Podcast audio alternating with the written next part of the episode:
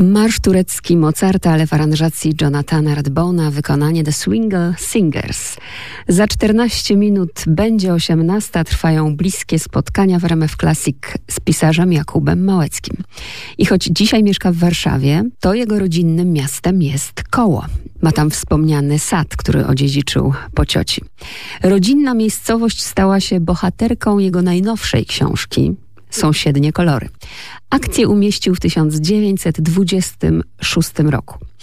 A że jego poprzednia powieść Saturnin stała się niezwykle osobista, postaci mają swoje pierwowzory w prawdziwym życiu, zapytałam, czy podobnie jest w sąsiednich kolorach.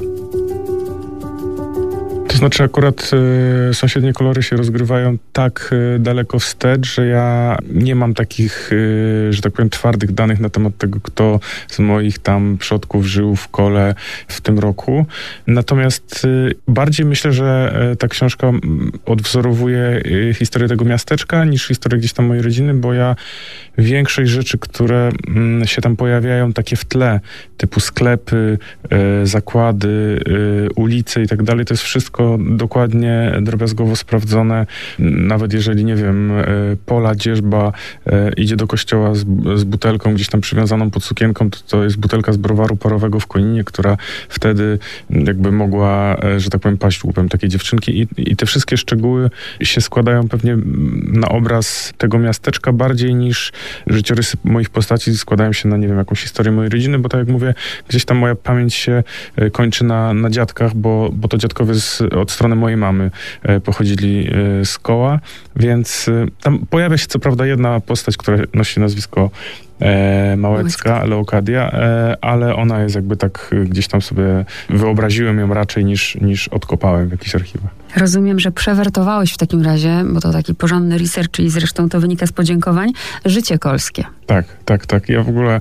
Powiedzmy wiem, jest... słuchaczom, co to Życie Kolskie, żeby tak. wiedzieć. Życie Kolskie to była gazeta, która się ukazywała w tamtych czasach, w latach dwudziestych w kole. W ogóle jest coś takiego fascynującego w tym, że się czyta gazetę o miejscu i czasie no bardzo dalekim od tego, e, co jest teraz. Ja kiedyś nawet sobie wyobrażałem, że fajnie byłoby kupować sobie regularnie jakieś czasopismo, które wychodzi w jakiejś, nie wiem, malutkiej miejscowości, w jakimś kraju, którym kompletnie nic nie wiem I, i, śledzić losy tych, nie wiem, mieszkańców, tych jakichś firm i tak dalej.